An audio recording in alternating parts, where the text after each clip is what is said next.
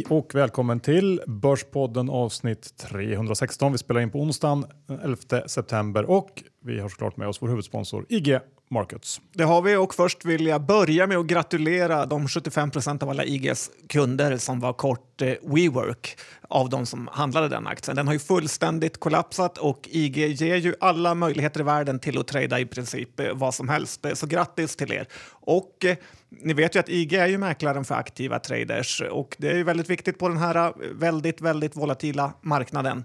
Eh, Johan, om man vill gå kort eh, råvaruindex eller WeWork, eh, vad ska man göra då? Ja, då ska man öppna ett konto på IG och vill man det eh, och dessutom vill ha en liten egen VIP-ingång, en Börspodden VIP-ingång, ja, då mejlar man bara oss på Börspodden och det gör man till adressen bordspodden.gmail.com så kommer vi att ordna det åt just dig. Det är en eh, möjlighet som vi tycker att man ska tillvara, ta tillvara på. Ja, någon som kallar det räkmacka och det är det verkligen. John, den här veckan, jag eh, har ägnat en stor del av de sista dagarna till att eh, kika på Net Entertainment och deras eh, nya relativt stora förvärv av Red Tiger. Eh, det kommer jag ta upp, eh, ganska lite längre segment än vanligt. Du då? Ja, jag har stört mig en hel del på Jocke Bornholm den här veckan samtidigt som jag har läst lite finansböcker och eh, ska också titta på vad en av Sveriges största investerare har skaffat för ny case. Spännande, spännande.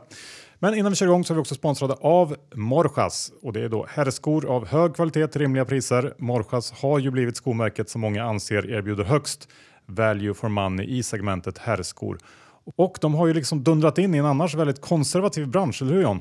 Ja, och du har ett par på dig just nu. Jag hade ett par i helgen på bröllopet och du ser krispig ut i dem får jag ändå säga. Ja, men jag gör ju det och jag känner mig också krispig. Eh, känner själv att, att jag nog aldrig kommer att använda några andra herrskor än just Morjas. De är verkligen klockrena rakt igenom. Och det är egentligen bara tre saker som eh, ni behöver veta om Morjas. De säljer endast direkt till kund online. Eh, på så sätt undviker de mellanhänder och kan erbjuda då hög value for money. Det är smart. Skorna görs för hand i Spanien. Varje par görs i 128 handgjorda steg. Det är hantverk på hög nivå minst sagt. Och sist men inte minst, Morjas levererar på en till två dagar inom Sverige med fria returer. Och våra vänner på Morjas har skapat en kod som ger 10% i rabatt. Eh, det är bra, så besök www.morjas.com. Morjas stavas alltså då M-O-R-J-A-S och skriv in koden Börspodden för att få den här rabatten. Vi säger ett stort tack till Morjas. Johan Dr. Bass Isaacson, eh, vi har index 1637, det är en rejäl uppgång eh, sen eh, tidigare avsnittet och jag tror det är sjunde dagen, kan vara åttonde dagen eh, som börsen faktiskt går upp. Ja, det är något sånt. Eh, full fart uppåt nu och vad ska man säga, det mesta av all den här oro vi haft de senaste månaderna är för tillfället som bortblåst eh, och samtidigt så är modeordet på börsen just nu sektorrotation. Det snackas det mycket om, eller hur? Ja. Ehm, det var väl efter förra veckans räntebesked som var mer hökaktigt än, än vad marknaden kanske väntade sig och det har då fått marknadsräntorna att börja stiga vilket i sin tur resulterat i att bankaktier till exempel har rusat och fastighetsaktierna har, har rasat. Så vi får se om det här bara är en, en tillfällig företeelse eller början på någon ny slags trend. Uh, ja, Ja, det brukar ju vara kortsiktigt sådana här eh, när flödena byter. Eh, det har inte hänt någon större grej egentligen. Jag har svårt att säga att det här ska bli långvarigt. Ja, jag håller nog med där. Eh, vi går över till småbolag eh, versus storbolag. Ja, faktiskt. Eh, jag har funderat på det här i veckan och eh, jag lyssnade på Spotify lite slumpartat och tänkte då på hur extremt svårt det är att slå internationellt och att eh, har man potential till att slå utomlands så är man verkligen värd en eh, premie. Eh, till exempel så hade Gyllene Tider-låten Juni, juli, augusti. Känner du igen den? Ja, inte riktigt nu, men jag vet vilken. och den är ändå en svensk klassiker får man säga och den hade ändå bara fem miljoner eh, spelningar.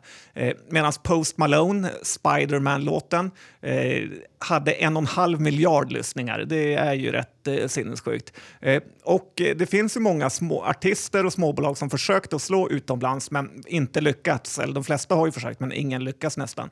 Eh, så att de få som lyckas eh, är verkligen värda att betala en premium för. Eh, för att de har något eh, speciellt eh, som man är ute efter. Och tänker man så här tycker jag att man förstår kanske värderingen i Atlas, Assa och andra av våra stora blue chip-aktier lite mer, för de är verkligen superstjärnor på den internationella scenen. Ja, men jag håller med där. Det är ju nästan lite samma sak med fotbollsspelare, att man kan i princip aldrig betala för mycket för någon som är riktigt, riktigt bra. Däremot så är de som är mittemellan antagligen allihop för dyra. Ja, så är det. Ja.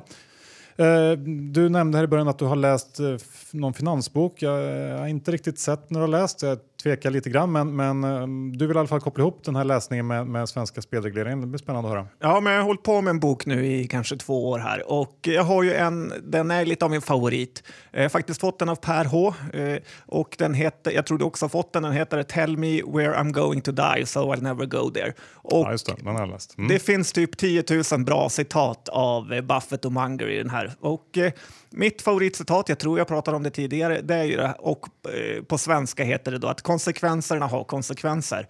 Eh, och jag tycker att det, man kan se det i den här svenska spelregleringen.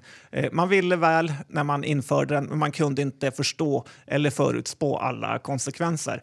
Eh, staten eh, försökte verkligen styra upp. Det var spelpaus, det var skatter, licenser. Eh, men problemet är att de som verkligen har problem eller ens är i närheten av att ha problem eh, väljer att spela på sajter utanför det här systemet. Eh, Vissa säger, och, eh, att, eh, och det är ändå rätt bra rykten som jag hört här, att eh, eh, vad gäller kasinospel så har mellan 20 till 40 procent av allt eh, spelande lämnat eh, licensierade bolag och gått till då sajter utanför det här systemet. Eh, det var någon som sa att det var nästan panik nere på Malta inom det här området för att det har blivit så här.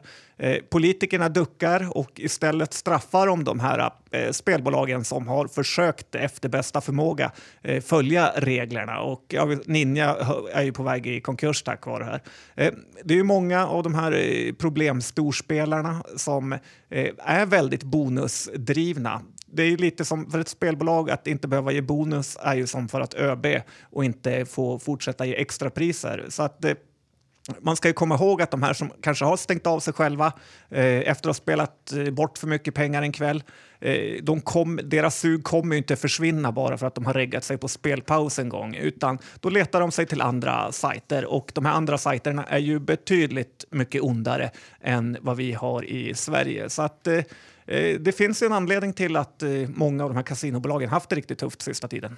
Jag håller helt med där och eh, jag kommer nog komma in lite på det här också mer senare när vi pratar om NetEnt. Men när vi ändå är inne på spel så tänkte jag också säga att jag noterat förra Betsson-vdn Ulrik Bengtsson i veckan snodde åt sig vd-posten på brittiska jätten William Hill Eh, Ulrik var ju vd på, på Betsson under 2016-17 tror jag ungefär och eh, han fick, fick väl gå på dagen om jag minns rätt efter en, en mindre lyckad period på vd-posten och jag blev i alla fall lite förvånad över det här och eh, framförallt då givet eftersom man ändå, man får nog ändå säga att, att perioden på Betsson var lite av ett misslyckande för Ulrik. Men det ska nog bli spännande att se vad han hittar på med William Hill som eh, såklart också haft det rätt tufft på slutet. Ja, vad gäller börsvdare som hittar nya jobb så är det lite som fotbollstränare. De bara turnerar runt. Hans Westberg förnedrad på Ericsson, fick Verizon. Eh, den här Nordea, inte Nordea-mannen, men Nord, eh, Handelsbanken vd som nu blev vd på Nordea. Det är ju, eh, har man kommit upp sig så är det lätt att få nya jobb. Ja. Eh, men eh, vi går över till eh, lite bredare penseldrag.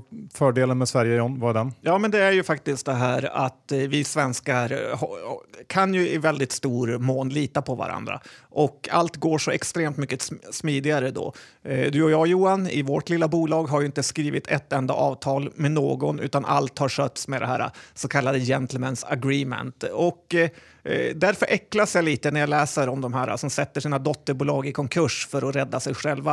Eh, det är lite den lägsta formen av företagsamhet. Jag läste på Breakit om hur Amanda Schulman och hennes syrra konkar något av sina dotterbolag och sätter massa andra i skiten. Och idag var det ju faktiskt Transtema, börsnoterade Transtema, som satte ett av sina dotterbolag i putten. Och efter att ha sett det, det var ju faktiskt så att ett av Transtemas dotterbolag drog in bredbandet i mitt hus och det kan vara något av det sämsta jag har eh, stött på. Eh, dessutom så kastas att kommunen tvingade dem att lägga om asfalten eh, en eller två gånger, vilket måste kostat oändligt med pengar. Så att ja, visst, det är lagligt att konka bolag, eh, men då vet man också att det är människor som inte tvekar på att sätta andra i skiten, Johan, och komma ut bättre själv. Så att, stay away från den här typen av businessmakare. Jag håller verkligen helt med. Det, det, ja, det är inte snyggt helt enkelt. Speciellt om man då kan betala för sig som eh, de kan i bägge de här fallen. Usch säger vi. Vi går över till eh, något annat som eh, det är mycket snack om nu, negativa räntor. Ja, väldigt mycket snack och alla experter låtsas ju om som att eh, de vet allt och hur extremt dåligt det här är. Men grejen är att pengarna försvinner ju inte för att det är negativ ränta utan det är ju någon som får dem på andra sidan. Om till exempel Sverige lånar ut 100 miljarder till en negativ ränta på 1 så är det ju faktiskt svenska folket eh, som får en miljard per år eftersom ja, det är vi som lånar. Eh, kapitalmarknaden, och det är väl mycket kineser, utlänningar och så vidare, ger då Sverige en miljard. Och det tycker jag ändå är en liten jackpot eh, för vårt land och det är något vi ska uppskatta istället för att vara så extremt oroade för. Ja, det var ju... Ja. Mm. Jag eh, väljer att avstå och ge mig in i negativa ränte-rabbit-holet eh, och går istället över till någonting mycket roligare. Det är ju vår Singapore-resa som eh, ja, nästa vecka åker vi och måste bara säga att det är ju väldigt kul eh, med alla som hört av sig med tips eh, som vill träffas. Vi eh, är väl redan fullbokade med öldrickande i princip. Går säkert för att klämma in någon öl till. Brukar inte eh, vara så svårt. Nej, inte så mycket som du har pratat om öl efter din Marbella-sommar. Kan väl du Eh, dricka några hundra Nej, om nej, dagen? men, men eh, det är vi ju ändå eh, väldigt tacksamma för måste vi säga och eh, väldigt kul att folk hör av sig. Så, eh, och för de som inte kan träffa oss på plats eh, kan ju alltid följa vårt Instagramkonto faktiskt där vi eh, ska försöka lägga upp någonting i alla fall. Verkligen. Vi är också sponsrade av elektronisksignering.se. Eh, denna fantastiska tjänst som jag önskar att eh, jag hade känt till i sommar. John, då eh, behövde vi skriva på en hel del bolagspapper och det var ett väldigt faxande och, skannande och printande fram och tillbaks för att få till det här. Rätt jobbigt faktiskt. Men hade jag känt till elektronisk signering så hade jag bara kunnat ladda upp dokumentet där, skriva på det elektroniskt och vips så hade det varit klart. Ehm, och det är det då som är fördelen med elektronisk signering. Det är, man skriver på med BankID, det är blixtsnabbt, kostnadsfritt, säkert, enkelt, eh, en säker identifiering av varandra och man behöver inte ses då IRL och det är också en EU-godkänd signatur. Um, och det här kan ju användas till alla möjliga sorters, uh, i alla möjliga, möjliga sorters lägen. Till exempel om du sitter i, en, i styrelsen i en BRF och behöver signera massa papper och inte vill springa runt i trappuppgångar fram och tillbaks. Då är ju elektronisksignering.se perfekt. Ja, det är väldigt förnedrande att knacka på nio på kvällen i strumporna. Ja. Och man behöver inte registrera sig för att använda den här tjänsten och inga uppgifter sparas. Eh, sen finns det då också en, em, en företagstjänst som har lite fler och smartare funktioner. Eh, den kan man läsa mer om på elektronisksignering.se och vi har också ett erbjudande för Börspoddens lyssnare och det är halva priset för företagsabonnemanget i tre månader och eh, är man intresserad av det så är det bara att hälsa från Börspodden när du blir kund. Så gå in på elektronisksignering.se.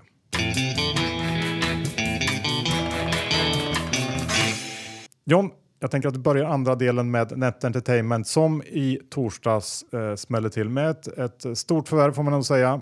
Och det var av den snabbväxande konkurrenten Red Tiger som då också gör eh, kasinospel helt enkelt till operatörer runt om i världen. Man betalar eh, 223 miljoner pund inklusive tilläggsköpeskillingar för Red Tiger och eh, det här bolaget väntas leverera ett ebitda-resultat på 18 miljoner pund eh, i år.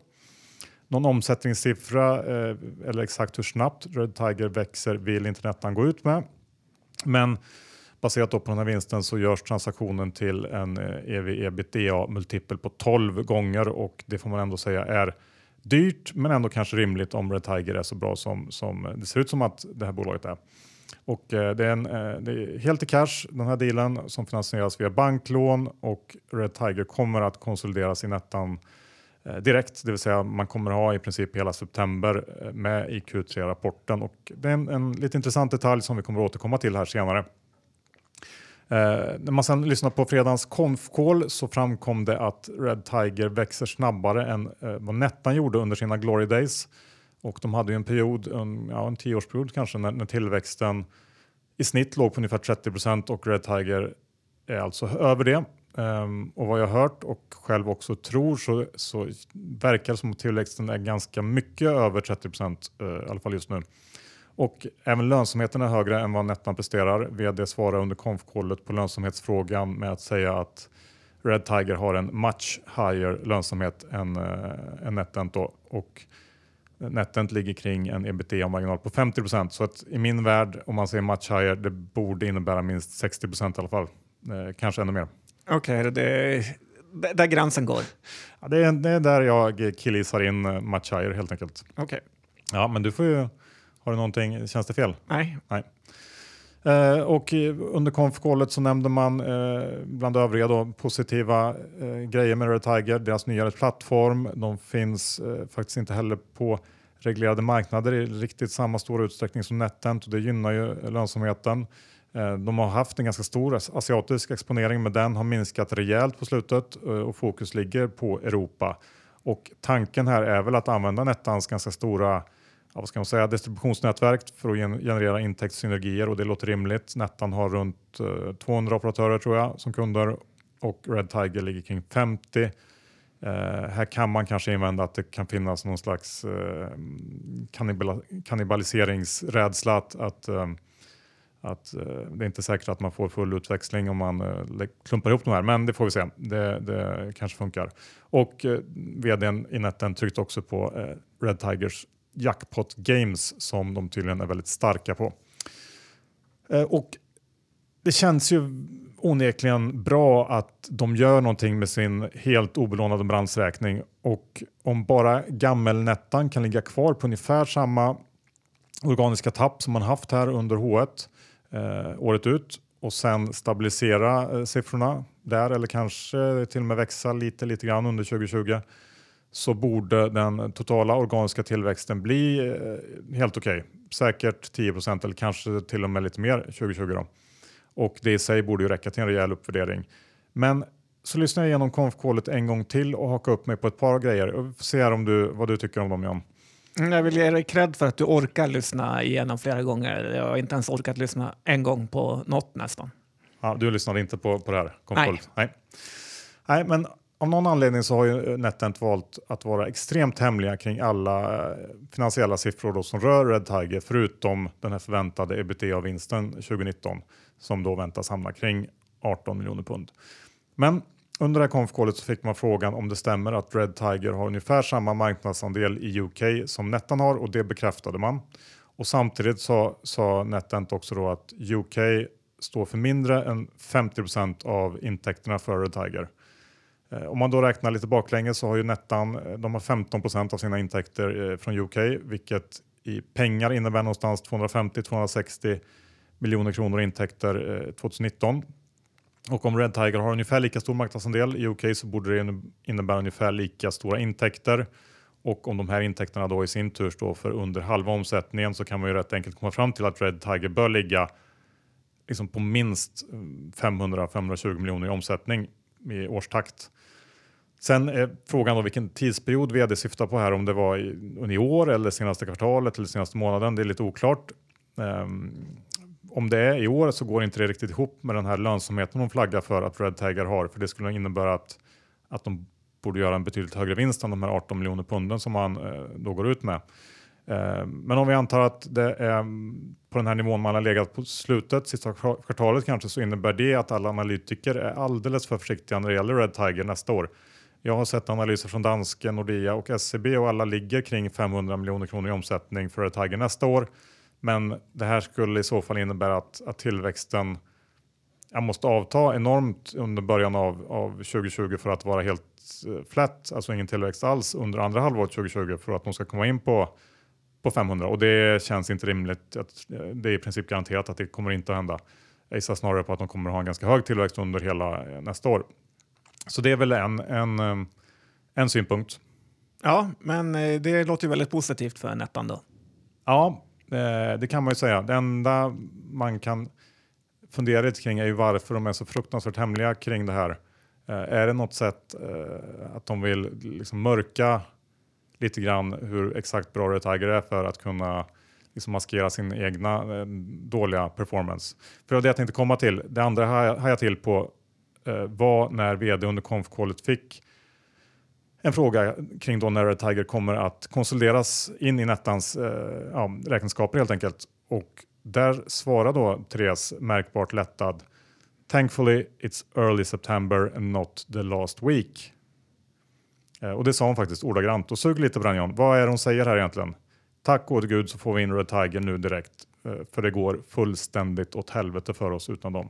Det är ju det hon säger. Ja, och det tycker jag stämmer verkligen bra med vad eh, mina kanaler har sagt om att det är lite panik på Malta av eh, spelregleringen. Att eh, just kasinobolagen går riktigt, riktigt dåligt i Europa och Sverige.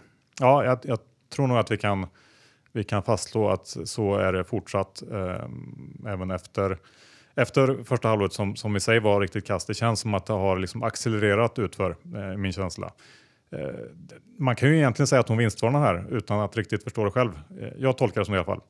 Så att om vi ska knyta upp den här säcken så är min totala take på det här är att ett, Red Tiger är ännu bättre än vad marknaden och analytikerna tror.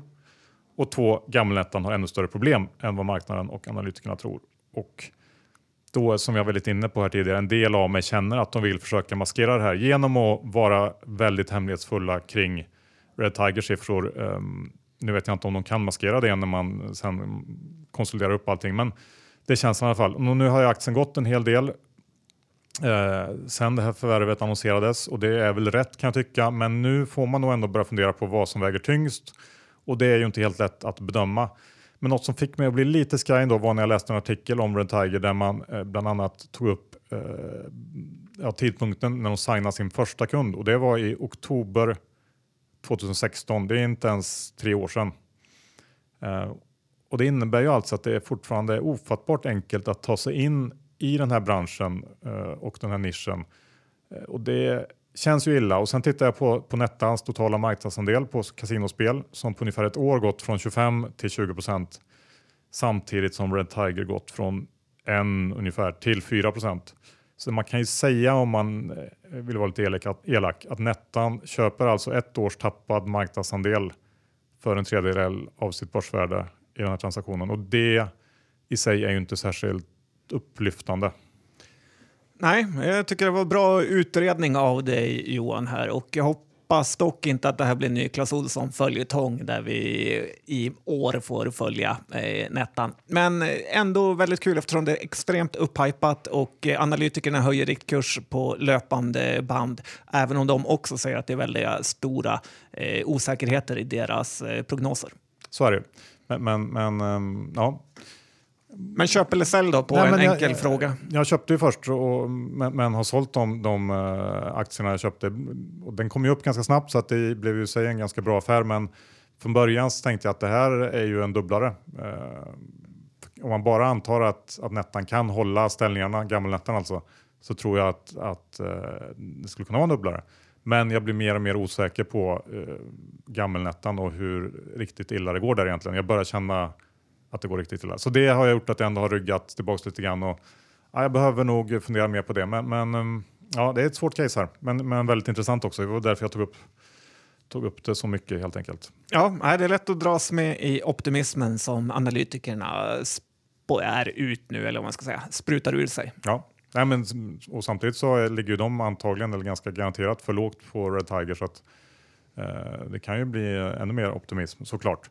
Men vi lämnar detta nu ehm, och går över till eh, din lynchning i spelbranschen här senaste veckan, för du har ringt runt. Ja, faktiskt. Jag ringde Svenska Spel och frågade deras oddschef hur det gick med, för det har ju ryktats länge om, du har även pratat om det Johan, om att de ska göra en någon typ av förändring i deras eh, sportsbok och eh, det bekräftade den här eh, sportchefen då. Han sa att deras system är för gamla och att de inte längre kommer göra eh, egna för att de, det är för mycket jobb utan de kommer ta in en extern eh, vad ska man säga, operatör eller vad säger man?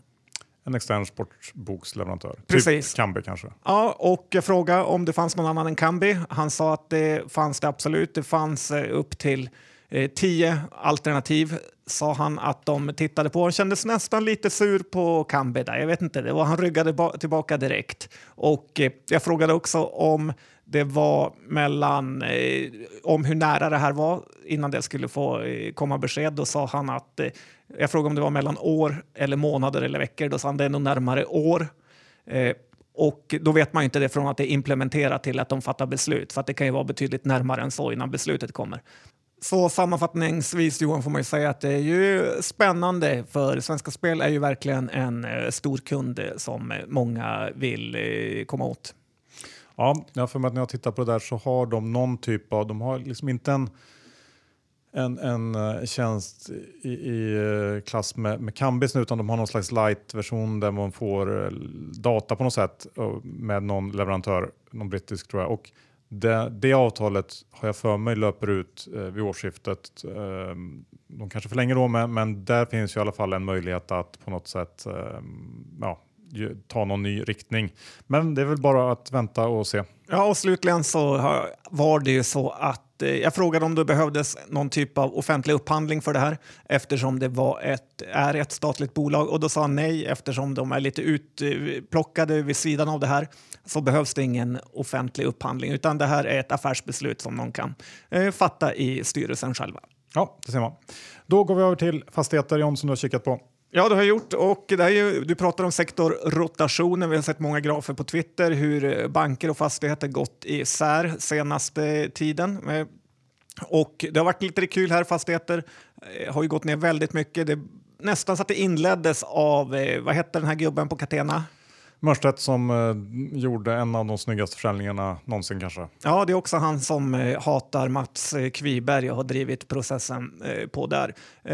Och eh, de har ju tappat 10, 15, 20 procent vissa av de här fastighetsbolagen och eh, man får komma ihåg att det har varit stora kursuppgångar. Eh, så drar man ut grafen eh, så ser det faktiskt ut eh, lite som en bara krok neråt, ingen jätte jättekrasch eh, krasch kan man verkligen inte säga. Men jag tror ändå att det är, eh, man ska börja leta lite köplägen här. För eh, det är inte konstigt att man får den här, stora, den här typen av stora fall efter jättestora uppgångar. Men man ser ju att även fast en del är negativa så ser man ju många killar som är positiva. Typ Erik Selin och Rutger Arnhult här. Så de är ju köpare. Rutger flaggade upp i Castellum här alldeles nyligen. Eh, räntan är ju, även fast eh, Riksbanken har höjt eh, sin räntebana lite så är den ju ändå inte i närheten av att göra någon större uppgång. Vi såg Trygg-Hansa-huset här i Stockholm, gick ju för rekordpris. Så att, jag tycker ändå att det mesta är positivt för fastighetsbolagen, förutom just de här kortsiktiga flödena. Det kan bli en fortsatt rekyl nedåt som eh, man råkar ut för om man köper här och då är det ju eh, bra att eh, gå på den här top shelf eh, household names som de säger i staterna. Att man skippar de här mindre okända bolagen och köper Balder, Castellum, Catena med mera. Och jag har ju pratat om den här 25-25-50-regeln, kommer du ihåg den? Ja, du menar att man ska köpa lite grann, lite grann och lite mer? Ja, precis. Då lyckas du tajma, får du köpa det mesta på botten förhoppningsvis. Så att Eh, och går inte aktierna upp på rekyl så har man ändå köpt relativt eh, bra kvalitetsbolag som kan ligga och gotta till sig. Ja, så kan man säga det. Eller så vänder räntan rakt upp och de här aktierna blir mer eller mindre värdelösa. Ja, men så är det nog inte att de blir värdelösa, men det är klart att det kan bli stora eh, tapp. Men å andra sidan, på börsen måste man våga köpa, annars blir man aldrig rik. Nej, jag bara försökte invertera. Du, vi går över till lite snabbare ryck. Formel 1. Du har fått någon slags nyvunnet intresse för detta. Ja, men faktiskt. Det var ju Formel 1-tävling här i helgen i Italien som tyvärr förstördes lite av eh, Jocke Bornhold som twittrade hej vilt om att han var där. Eh, jag har nog aldrig sett någon twittra mer bilder, filmer, Insta-stories någonsin från något eh, event för, faktiskt. Får jag fråga, varför följer du eh, Jocke egentligen? Ja, han, jag vet inte. Eh, det är lite som en drog att börja följa Jocke kan jag säga. Ja. Eh, nej, men så här, och eh, man behövde inte ens ett Viasat-abonnemang att, för att följa den här tävlingen, utan det räckte med att följa Jocke Bornholds sociala medier för att vara totalt uppdaterad. Eh, vi ska se Formel 1 i Singapore, Johan, och fick lite känslan att vilja avboka allting efter det här. Eh, men grejen är att F1 är ju faktiskt riktigt kul nu. Ferrari har ju en superbil och Eh, en ung talang från Monaco som heter Leclerc och eh, Mercedes som är då eh, lite ledarna i den här cirkusen har ju Formel 1 överlägset mest betalda förare i Louis Hamilton. Det är ju kul med börsen att man kan köpa en bit av Ferrari som handlas i USA med det lite roliga kortnamnet Race. Eh, väldigt dyrt dock, P33. Eh, så det verkar inte vara någon jättepanik för elbilar där inte. Och, eh, vill man köpa Louis Hamiltons team, Mercedes, så ägs ju de av tyska Daimler. Eh, lågt värderat och hög direktavkastning. Bilsektorn har ju haft det tufft här ett tag men studsat upp en hel del. Jag skulle personligen välja Daimler. Sen slutligen har vi Renault som man också kan köpa och vill gå ut lite längre på riskskalan. Väldigt lågt värderat med lite mäckig företagsstruktur med franska staten som eh, stor ägare. Det kan man ju fråga eh, PG Gyllenhammar om har jag för mig. Och eh, det finns en jättebra dokumentär på på Netflix om man vill se mer av det här. Så följer de Red Bull-teamet. Spännande, spännande. Vi hade också i alla fall en kapitalmarknadsdag för veckan. Jag tänker på Loomis, ett bolag som du eh, har haft lite synpunkter på på sista åren kan man säga. Ja, men det finns väl inget bolag jag vill ska krascha mer på börsen än Loomis. Och eh, fick väl lite rätt där när aktien tappade väldigt mycket på sin eh, kapitalmarknadsdag. Och eh, har väl, får man ändå säga, hämtat sig från de här nivåerna. Eh, lite oklart varför den gick ner så mycket egentligen. Men, och eh, får jag välja en aktie som jag tror står lägre om, säg 5-10 år än nu, så är det ju Loomis. Eh, jag förstår inte hur marknaden kan betala nästan någon typ av premiumvärdering på P15 för Loomis. Och, eh, eh, de snackar ju alltid hur bra det är om att marknaden minskar. Eh, vilket gör att de får alla kontrakt eh, med, samtidigt som konkurrensen är ganska låg och man kan förvärva billigt. Men bolaget har ju allt emot sig här. Det är tekniken och jag tycker ändå att någon gång måste man komma till ett eh, stopp där det slutar vara positivt med nedåtgående marknad. Det som är liksom negativt om man skulle blanka eller positivt om man är lång är ju att den här ledningen i Loomis verkar ju vara väldigt, väldigt eh, duktig. Slutar de så är det ju ett megasälj. Och en annan negativ grej i Loomis är ju Eh, ägarbilden som är förskräcklig. Det är bara massa fonder till höger och vänster som ja, lite känns som att eh, de hjälps till att hålla uppe den här aktien. Men börjar det gå neråt så kommer det vara kört och det här är ju som bäst ett P10-bolag för mig. Ja, jag kanske inte riktigt lika hårt som du är, men eh, jag har svårt att bli upphetsad, det måste jag erkänna. Vi går över till något, något annat, ett mycket mindre bolag. Ett bolag som var länge sedan vi pratade om. Jag tänker på Enzymatica vars aktie du en gång sa var en given dubblare för mig. Okej, det tar jag tillbaka nu. Ja, det, det var lite sent kanske. Enzymatica har ju den här sprayen mot förkylning som heter Coldzyme och förra veckan pres presenterade bolaget utfallet från en studie där resultatet då visar att Coldzyme inte funkar överhuvudtaget. Och det i sin tur innebär väl, får jag gissa, att det blir betydligt mycket svårare att få någon fart på den här försäljningen och det mm, hade behövts eftersom bolaget blödde pengar. Det är väl mer eller mindre garanterat att det blir en nyemission här och trots att aktien kraschade efter det här beskedet så har bolaget fortfarande ett marknadsvärde på 420 miljoner och det är ju väldigt svårt att se varför. Ja, nej, både du och jag har ju köpt den här eh, Coldzyme och testat. Det var ju lite... Jag har inte känt någon jätteeffekt och kände också att det var mäckigt att hålla på att ta den om man börjar känna sig förkyld. Så att, eh, det var kul preparat som kanske inte var bättre än på, den var bättre på i det stadiet. Ja, det hade varit kul om det funkar, men när det inte gör det så är det svårt att se lite grann. Ja, det blir lite konstigt att spruta in eh, någon typ av eh, spray i näsan som inte funkar. Ja, i svalget tror jag i och för sig. Men, men vi, kanske därför det inte funkar, för att jag siktar fel. vi går över till Personen som av vissa kallas Sveriges bästa investerare, i alla fall i small cap-världen. Han har ett nytt case. Det är Capital vi pratar om. Ja, från Capital på Börssnack. Value Growth heter han på Sharewill om man är där. Eh, han har också varit med i podden två gånger, två uppskattade avsnitt får man väl ändå säga. Jag har sett, följer honom på Sharewill och sett att han har börjat köpa en massa Nilörngruppen. Eh, Nilörngruppen är väl egentligen mest känd för att de gör etiketter till kläder. Eh, det är lite spännande case det här. Eh, jag är inte alls lika säker på att det är en bra affär då hela klädbranschen är i någon typ av eh, nedförsbacke. Och eh, det räcker för att titta runt på de här bolagen, Odd Molly, Björn Borg, MQ med mera. Eh, men de själva, bolaget alltså, hävdar ju att eh, det här bara gör deras produkt ännu viktigare för att eh, man ska ge konsumenten en känsla av kvalitet.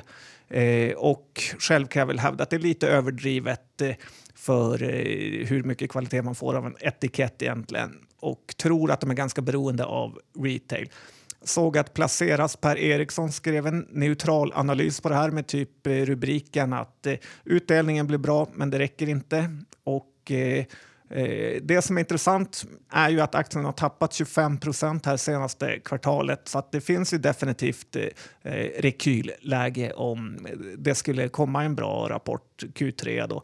Och det är ganska kul med aktier att eh, man behöver inte köpa dem eller sälja dem för att följa dem. Det är lite som Warren Buffett säger. Man behöver inte slå på varje boll. Så är det.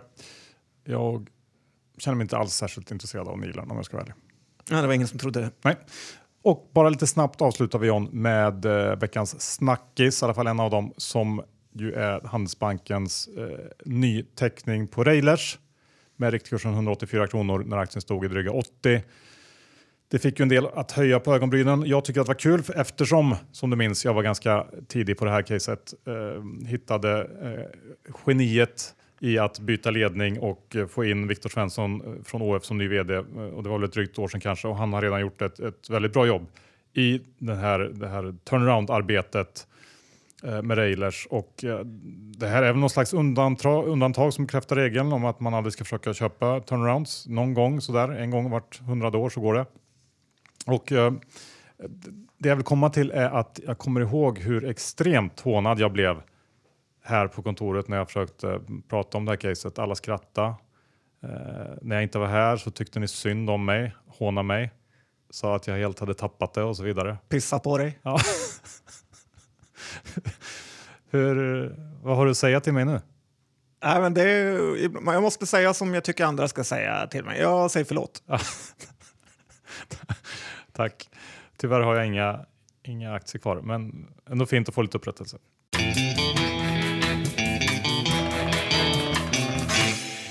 Slut på avsnitt 316. Vi har en huvudsponsor i form av IG Markets.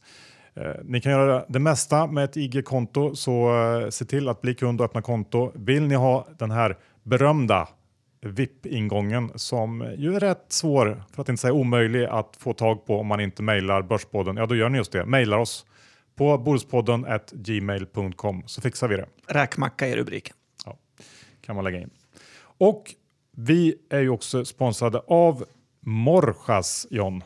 Ja, du har ett par, flera par sådana skor. Jag har också flera par och är extremt nöjd. Ja, svårt att inte vara nöjd när det är eh, extremt hög kvalitet till rimliga priser. Och eh, våra vänner på Morjas har ju skapat en kod som ger 10 rabatt eh, för att då få de här eh, högkvalitativa herrskorna som faktiskt är handgjorda eh, i 128 steg. Förstå hur, hur jobbigt det är. Det är eh, hantverk på en hög nivå. Och, ehm, de har då som, som, sagt en kod som ger 10 rabatt. Eh, gå in på morjas.com. Det stavas M-O-R-J-A-S och skriv in koden Börspodden för att erhålla rabatten. Vi säger tack till Morjas. Verkligen. Ja. Och dessutom elektronisk signering, denna fantastiska tjänst som ju om man vill är helt gratis, eller hur? Ja, verkligen. Det slipper gå runt i strumplästen i bostadsrättsföreningen utan använd elektronisk signering. Till exempel, det finns ju hur många användningsområden som helst för det här. Uh, man skriver då på avtal med BankID går in på elektronisksignering.se. Det är väldigt enkelt, går snabbt, kostar inget. Eh, det är en EU-godkänd signatur till och med. Och, eh, Man behöver inte heller registrera sig för det här utan eh, det är bara att gå in på elektronisksignering.se och vill man använda den lite smartare tjänsten, företagstjänsten med fler funktioner, då kan man som Börspodden-lyssnare få halva priset på ett företagsabonnemang i tre månader om man bara hälsar från oss på Börspodden när man blir kund. Så gör det! Gör det! Ja. Och då var det dags för innehållsredovisning. Sista punkten på protokollet John. Ja, jag har lite fastighetsaktier. Jag har köpt eh, Catena och jag har fastighetsbolaget alltså. Och jag har köpt lite Balder. Vi pratar väldigt små positioner, men ändå. Ja, och jag har ingenting. Jag hade eh, en del NetEnt men har nu gått ur lite grann i väntan på Ja, jag vet inte att jag ska bestämma mig. Ja, samma sak för mig där. Just det, och så har vi ju bägge två lite Kambi.